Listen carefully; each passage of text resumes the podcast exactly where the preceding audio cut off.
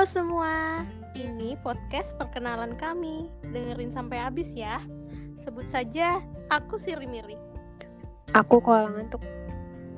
Bermula pada berbagai kesamaan kami, salah satunya Siri Miri dan Koala Ngantuk terlahir ke bumi sama-sama di bulan Juli.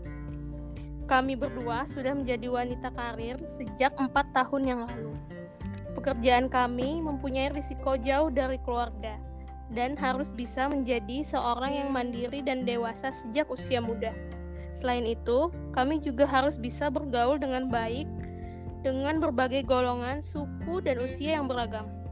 Oh iya, kami pertama kali bertemu sekitar dua tahun yang lalu. E, karena kebetulan dapat kesempatan belajar lagi di kampus yang sama.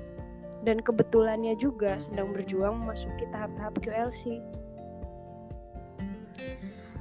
Sebenarnya nggak uh, pernah terbayangkan menjadi seperti sekarang karena kami punya cita-cita yang nggak ada hubungannya dengan pekerjaan kami.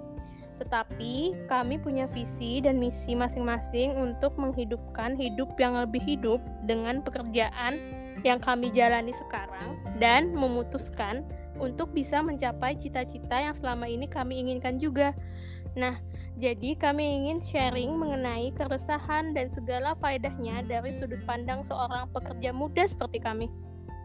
Setelah berbagai perundingan, akhirnya kami putuskan podcast ini diberi judul dengan faedah resah. Kenapa faedah resah? Faedah menurut KBBI itu artinya guna atau manfaat. Sedangkan resah itu gelisah, tidak tenang, atau rusuh hati. Kita semua pasti pernah resah, gelisah, overthinking, tapi apa sih hal yang bisa kita petik dari keresahan kita? Di satu sisi, faedah itu positif, jelas. Tapi resah ini kan masih abu-abu. Bisa positif, bisa negatif, tergantung dari sudut mana kita melihatnya.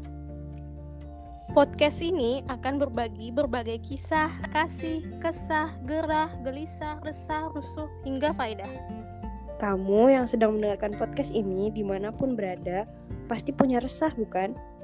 Dari segala jenis keresahan itu, faedah apa sih yang bisa kita petik? Pasti ada. Apa faedahnya? Kita akan temukan jawabannya sama-sama.